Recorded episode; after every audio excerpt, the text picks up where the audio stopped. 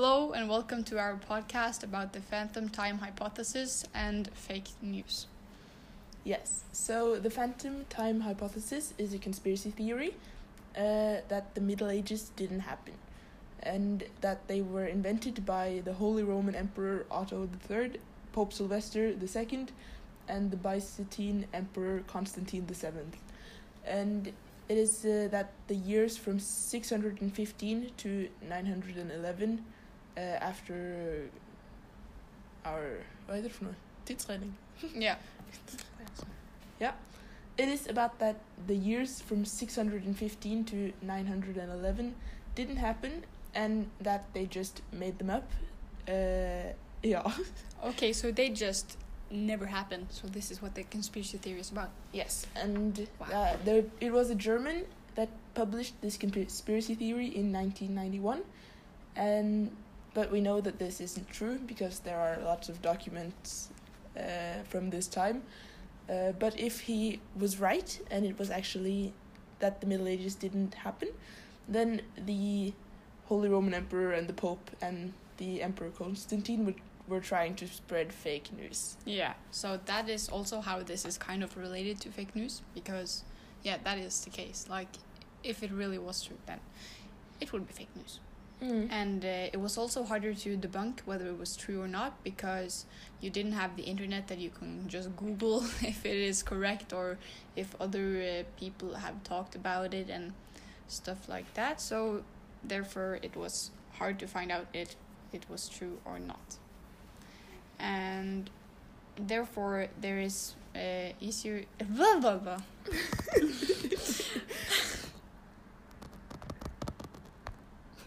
Therefore, it is easier to find out if it is true or not today because we have the internet and can Google and uh, Research. Research. In today's society, it can in some ways be easier to see if fake news we read is fake or not. This is because we have the internet where we can do research and detect the fake news. This is al- this also means that we can be more exposed to fake news, and then we didn't have, and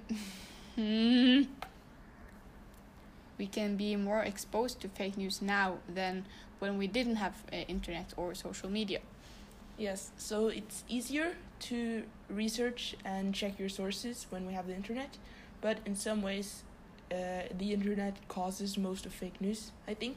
Yeah, And since we're on the internet all the time, uh, we see a lot of news, and not all of them are true, and it's hard to filter out what you think is true and not. yeah, and also, for example, in the United States with Donald Trump himself spreading fake news, then we wouldn't expect fake news to come from a president. Like that is overwhelming and unbelievable. Uh, some of the fake news that Trump has been spreading uh, more recently is uh, with the coronavirus and the pandemic, because uh, in the beginning he said that it was all just fake and that it's not real, and that it's uh, something that the Chinese want us to believe. Mm.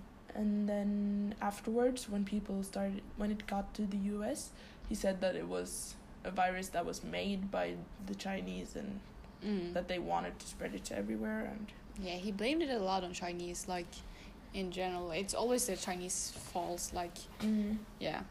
And he said that in one interview, I think that they would pay for this and uh, yeah, for all the damage they've done. yeah and he just i think he really likes to blame people Yeah. even when it's not true and the thing i don't understand about trump is how he constantly says he lies and says fake news Mm. but then people then afterwards we realize that it was fake and that he's just lying but it Mm. doesn't have consequences for him yeah, he won't have to pay for it. no it's just he keeps on lying Mm. and mm, with the election coming up, it'll be interesting to see if people elect him again to president, yeah. considering that he's lying this much. Yeah, I've also seen that he's come with a lot of threats if they don't vote for him and vote for Biden, and if Biden gets president. that's not really related to fake news, but that you just see like how he is a president you, that you can't trust because yes, he spreads fake news and he comes with threats, and yeah, he's not a good person, really. no, it doesn't seem like it. No. Mhm. Um, yeah. So that makes us think that what can we actually believe in now? Yes, and it can become really exhausting to have to check every single piece of news that you read Yeah. because you can't trust anyone almost when Yeah. even the president of the United States lies lying. so often and you don't know what's true and what's not and it can be hard to research and you don't always have time to do that and yeah. And we end up spreading fake news because yeah, we don't always check if it is fake or not. Like some fake news can be more it can sound more tr- truthful. Yeah. yeah some of them sound like Yeah. the truths Yeah, so like it kind of makes sense and then we spread it around and then everybody thinks that and it's really just fake news and yeah, the people that Mhm. started the fake news did what they wanted to. Like they accomplished it. Yeah, and sometimes fake news aren't entirely fake. It's like some parts of it are fake, and therefore you believe it because you know some parts of it are true, Yeah. and some of it seem really realistic, and comes from things you might have thought were reliable sources, Yeah. and yeah, it's just really hard to navigate through all the fake news.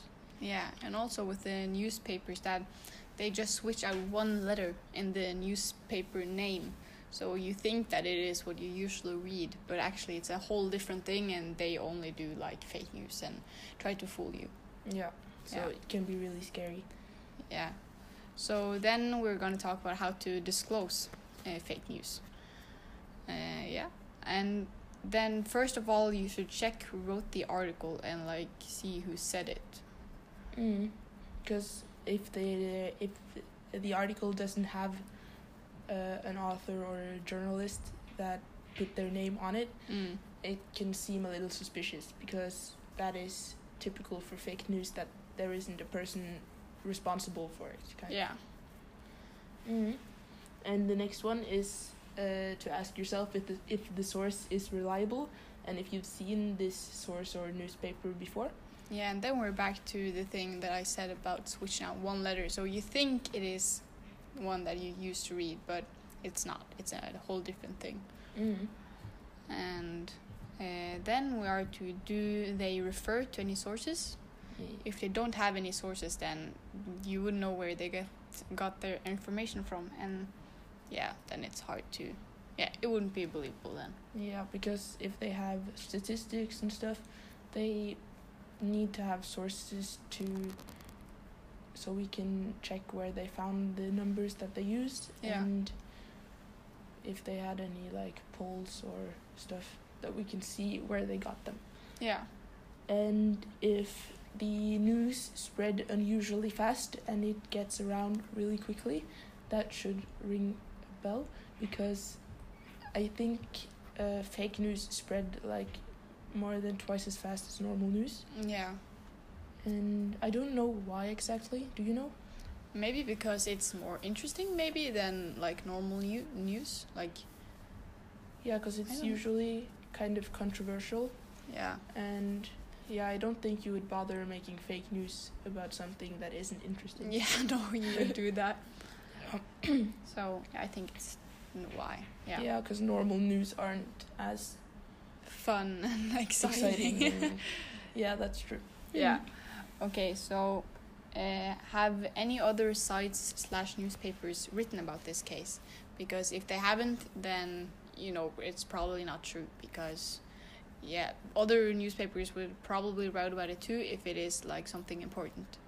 Yeah, and that's also important because uh, different newspapers have different journalists, and then Yeah. you can see from other points of view, Yeah. and then it's important to check.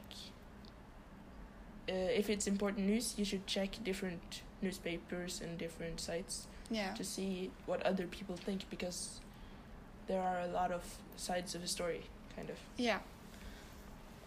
And the last one is to ask yourself if this d- makes any sense.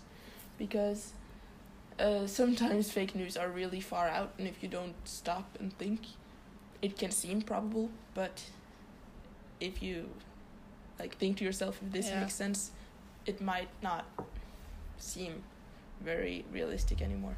Yeah. And uh, yeah, That is probably all we have. But uh, we have some sources, so we are reliable. yeah. and uh, we used Wikipedia, YouTube, and Mind Tools. Thank you.